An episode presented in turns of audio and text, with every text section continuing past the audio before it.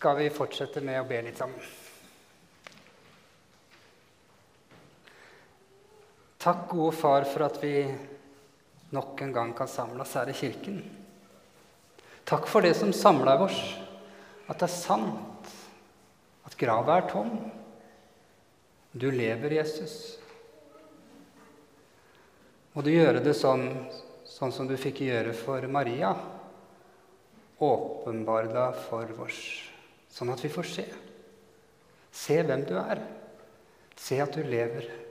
Og se du hva du har gjort, og hva du vil med livet vårt. Vær her med Din Hellige Ånd, sånn at orda må bli mer enn ord, at det kan bli til liv. Du ser og kjenner hver enkelt av oss. Gi du ettersom du ser vi trenger. Amen.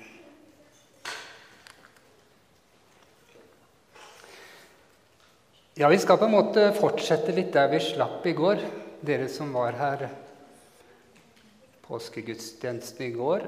Ehm, vi skal fortsette å lese fra Johannes 20, fra vers 11 til og med 18. Og nå fikk vi jo en introduksjon her føre da, med et rollespill. Det var jo kjempefint. Men jeg tror vel likevel leser teksten på nytt. Da blir det liksom ekstra forsterka. Så kan dere ha rollespillet litt i bakgrunnen når jeg leser fra Johannes 20 nå. Men Maria sto like utenfor grava og gråt.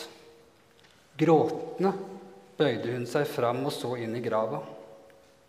Der fikk hun se to hvitkledde engler sitte der Jesu kropp hadde ligget, en ved hodet og en ved føttene.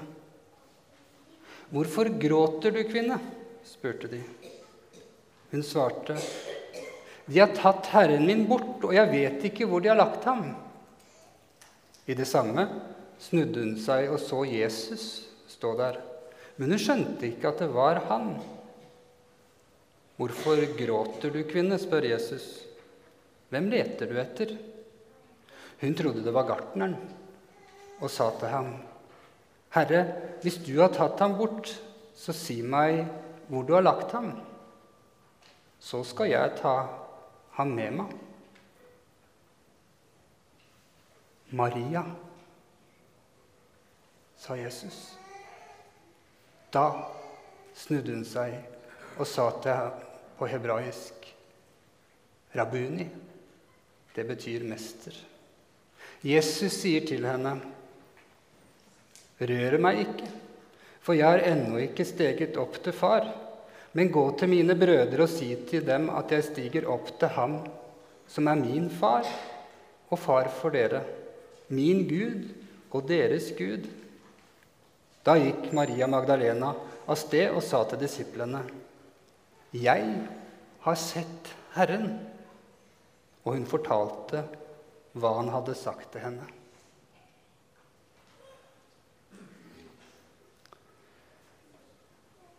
Vi eh, er midt i påskedags jubel. Jesus har stått opp. Men så møter vi en gråtende Maria på utsida av grava.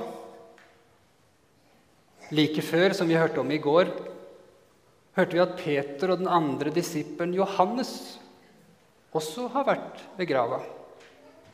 Maria, som hadde vært der tidlig på morgenen og hadde sett at steinen var rulla bort, hadde springet tilbake for å si fra til de andre.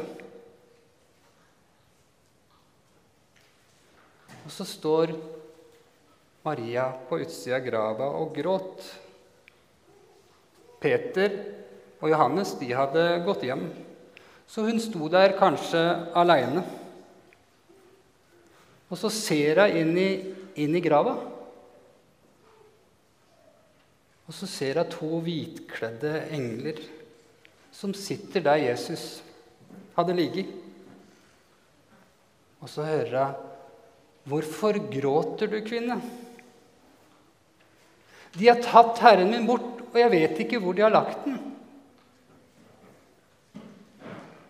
Tenk for en fortvilelse. Ikke nok med at Jesus var død, men nå trodde Maria at noen hadde vært og tatt Jesus. Og Maria visste ikke hvor, hvor han var. Så kan det kanskje være litt lett og kanskje også litt fristende å tenke Hvorfor skjønte ikke Maria det nå? Hvorfor skjønte hun ikke at Jesus hadde stått opp, han som hadde sagt det så tydelig? Jeg skal dø, og så skal jeg stå opp igjen etter tre dager. Og så står hun og kikker inn i grava, og så er grava tom, og det er noen engler der. Men Maria skjønte det ikke. Åssen er det egentlig med deg? Hender det at du gråter? At du er fortvila? At du på en måte ikke finner Jesus eller ser Jesus i livet ditt? Ikke sånn at vi ikke tror at Jesus har stått opp, men vi kan kjenne oss aleine, fortvila. Vi ser ikke Jesus. Da syns jeg det er fantastisk å følge fortsettelsen og se hva det er som skjer. Maria hun snur seg mot Jesus, men så skjønner hun fortsatt ikke det er Jesus hun prata med. Hun tror det er gartneren. Hvorfor gråter du, kvinne? Hvem leter du etter? Herre, hvis du har tatt ham bort, så si hvor du har lagt den. Så sier Jesus navnet hennes. Maria. Da går det opp for Maria hvem det er. Det er ikke gartneren, det er Jesus. Jesus lever. Rabuni, sier Maria. Det betyr mester. Maria hun skjønner det når hun hører navnet sitt. Mesteren, Jesus, kjenner henne. Det er ikke gartneren. Det er Jesus sjøl som står der. I Jesaja 43, 43,1 så leser vi et flott vers. Vær ikke redd. Jeg har løst deg ut. Jeg har kalt deg ved navn. Du er min. Jeg har kalt deg ved navn. Tenk, du og jeg blir i dag kalt ved navn av Jesus. Jesus vil så gjerne vise oss hvem han er, at han har stått opp. Han er ikke lenger i grava. Han lever. Maria skjønte ikke at Jesus hadde stått opp, og hvem han var, før det blei noe helt personlig. Før hun hørte navnet sitt. Sånn er det for oss òg. Det at Jesus døde, at han sto opp igjen, det er noe helt unaturlig. Noe vi ikke kan forstå med sånn vanlig logikk og teori. At det gjelder for meg, er kanskje enda vanskeligere. I dag kaller Jesus deg ved navn. Fredrik, det er sant, det du leser om meg i Bibelen. Jeg gikk veien opp til Golgata for deg. Jeg tok på meg alle dine synder, alt sammen, opp på korset. Men nå nå lever jeg. Frelsesverket er fullført. og det er fullført for deg. Og så syns jeg det er så trøsterikt at Jesus spør Hvorfor gråter du? For det er sånn for oss kristne også. Vi gråter. Hvorfor gjør jeg det noen ganger? Jeg gråter. Vi kan være lei oss. Vi kan være fortvila. Ja, det kan bli noen ganger ganske så mørkt. Da er det godt med noen som bryr seg. Men så er det én som kan gi noe annet enn alle andre. Det er én som kan gi trøst, håp og oppmuntring. Det er Jesus. Og han spør i dag hvorfor gråter du?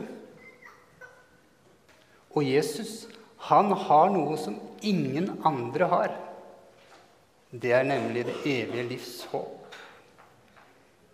I 1. Korinterne kapittel 15 så leser vi Men nå har jo Kristus stått opp fra de døde, som førstegrøden av dem som har sovna inn.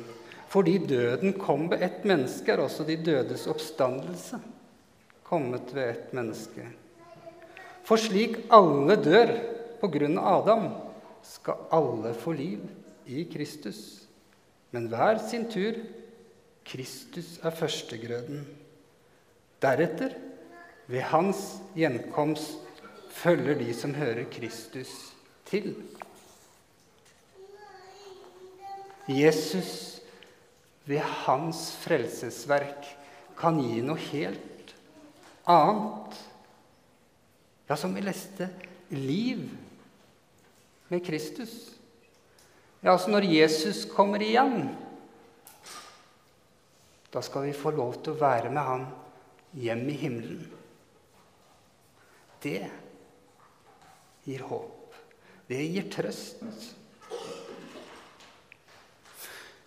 Kanskje noen her har stått og sett ut på kveldshimmelen når sola går ned på kvelden. Det har jeg gjort noen ganger. Og så kan en spørre seg Så fantastisk fint lys, fine skyer. Men hvor er det de skyene kommer fra, egentlig? Har dere tenkt på det? De skyene, det kommer fra sånn sølepytter og skittent vann her på jorda.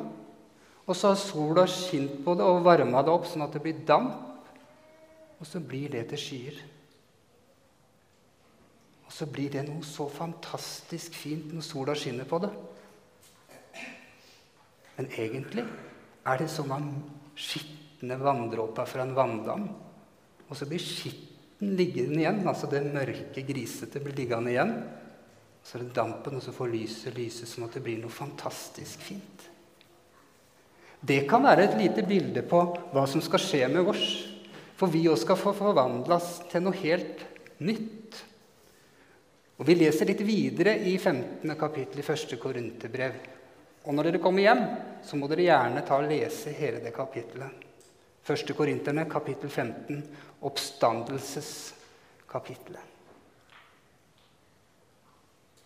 For det forgjengelige må bli kledd i uforgjengelighet.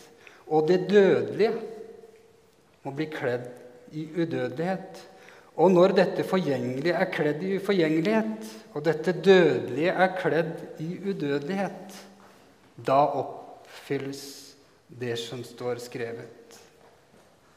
Døden er oppslukt. Seieren vunnet. Død, hvor er din brodd? Død, hvor er din seier? Jesus har vunnet over døden. Jesus har vunnet en seier som kan bli din seier. Det forgjengelige må bli kledd i det uforgjengelige.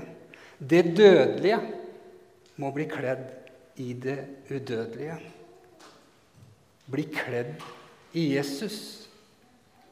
Ikke bare som flikking, som fasadepuss som på utsida. Nei, sånn helt. For Jesus han tok med seg alt opp på korset. Alt det du bærer på av svikt, av nederlag. Og så vet Jesus veldig godt hva smerte er. Mesteren spør deg da Hvorfor gråter du? Se, her er jeg. Jeg lever. Og så får Maria høre noe litt rart fra Jesus. Rør meg ikke, for jeg har ennå ikke steget opp til far. Det er jo litt rart å høre. For akkurat ti vers etterpå så hører vi om Thomas, han som tvilte, og hvor Jesus sier så tydelig, 'Thomas, kom med fingeren din. Se, her er hendene mine. Kom med hånden og stikk den i sida mi.' Det sier Jesus til Thomas. Så det kan jo ikke være sånn at etter Jesus sto opp, så skulle ingen ta på han, at det var en sånn absolutt krav Jesus kom med. Selv om Jesus var på en måte i en mellomtilstand mellom livet her på jorda og herligheten hjemme hos Gud.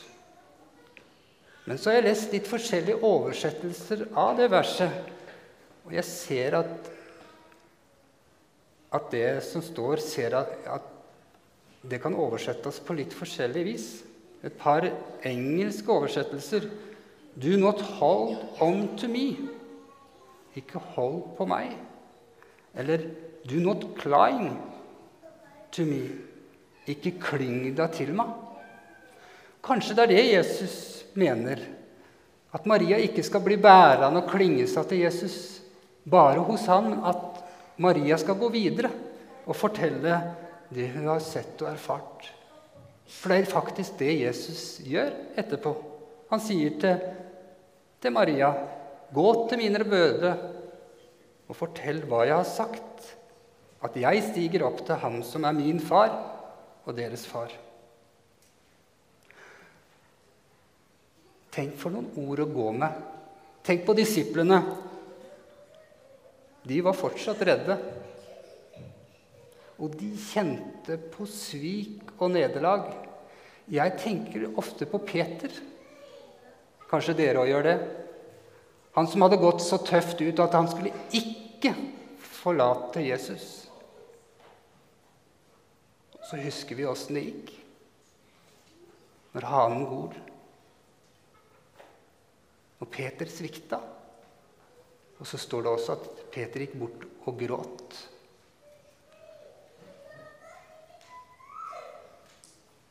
Peter hadde vært begrava på morgenen og sett at den var tom, og hadde reist tilbake igjen. Men nå skulle altså Maria gå og fortelle. Og så er det noe i orda til Jesus som jeg syns er veldig trøsterik. Han kaller de brødre. De som hadde svikta ham, de som hadde vært feige, ja, de som tviler. Gå til mine brødre. Og så sier han Min far, deres far. Min Gud, deres Gud. Og så Gud, og så vår far. Og så er det verdt å legge merke til at det er Maria som får oppgava å fortelle om Jesus, at Jesus har stått opp. Kvinnen Maria.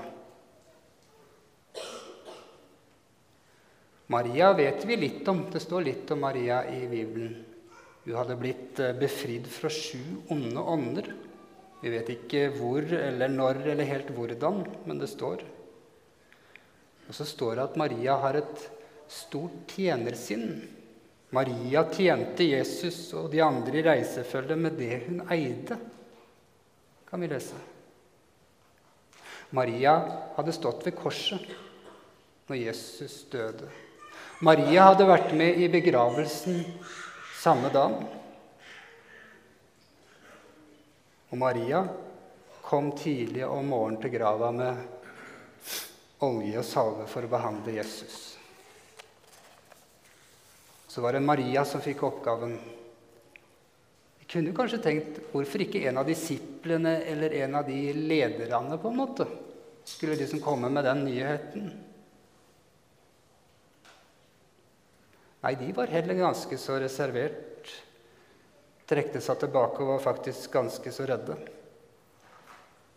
Det var Maria som ble den første. Maria som den ivrige, trofaste, gavmilde og modige etterfølgeren av Jesus. Men det er verdt å merke seg noe. Maria sleit jo egentlig med trua. Selv et englebesøk og en åpen grav var ikke nok for at Maria trodde at Jesus var oppstått. Det var først når Jesus kom og sa navnet hennes, Maria, at det ble klart. Det var det møtet, at Jesus åpenbarte seg for henne, som gjør at hun kunne gå og fortelle 'Jeg har sett Herren'. Hun hadde møtt den oppstanden. Hun hadde hørt navnet sitt. Ja, det er sant. Han lever. Det stemmer, alt det Jesus har sagt. Han døde, han sto opp igjen og lever. I dag så er det vi som har kalt til å fortelle hva vi har sett. Vi får ikke på samme måten som Maria møte Jesus ansikt til ansikt, eller stå og kikke inn i en åpen grav og se englene der. Men vi kan få et personlig møte med Jesus, vi òg. Mesteren Jesus kaller deg ved navn i dag. Han sitter i himmelen hos Gud og ber for oss. Om du er glad og fornøyd eller om du gråter, så trenger du det møtet. Det gjelder nemlig for deg. Han vil at du skal få se hvem han er. Du som er kanskje litt sånn som de disiplene var. Jeg har svikta. Jeg har så liten tro. Eller det er så mye tvil. Er ikke da trøst å se på Maria? Det var ikke det Maria fikk til, den sterke på en måte trua Maria hadde. Nei. Hun som ikke trodde selv om hun fikk eh, høre fra englene. Det var først når Jesus åpenbarte seg, at hun fikk se. Jeg har sett Herren, sier Maria. Og nå skal vi synge en sang sammen en salme som passer spesielt godt til akkurat det vi har snakka om nå. O salige stund uten like. Den er skrevet over de versene vi leste sammen. Og han som har skrevet den, Johan Halmrast, han kalte faktisk den salma Maria Magdalenas jubel. Maria Magdalenas jubel. Nå skal vi synge den sammen, men jeg siterer bare det første verset. Og salige stund uten like. Han lever, han lever ennu. Han vandrer i seierens rike. Min sjel, hvorfor sørger da du?